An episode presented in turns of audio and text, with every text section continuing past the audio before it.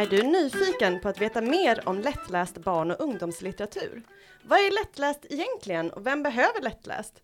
Hur tänker författare när de skriver lättläst och hur jobbar man på ett förlag med lättläst litteratur? Och kanske viktigast av allt, hur kan lättläst väcka barns läslust?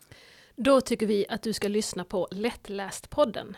Jag heter Emelie och är redaktör på bokförlaget Hegas som ger ut lättläst för barn och unga. Jag har tidigare jobbat som skolbibliotekarie och är allmän språknörd. Och jag heter Linnea, jag är också redaktör på Hegas. Min bakgrund ligger i genusvetenskap och jag har även tidigare jobbat på folkbibliotek. Och det är vi två som driver Lättläst-podden.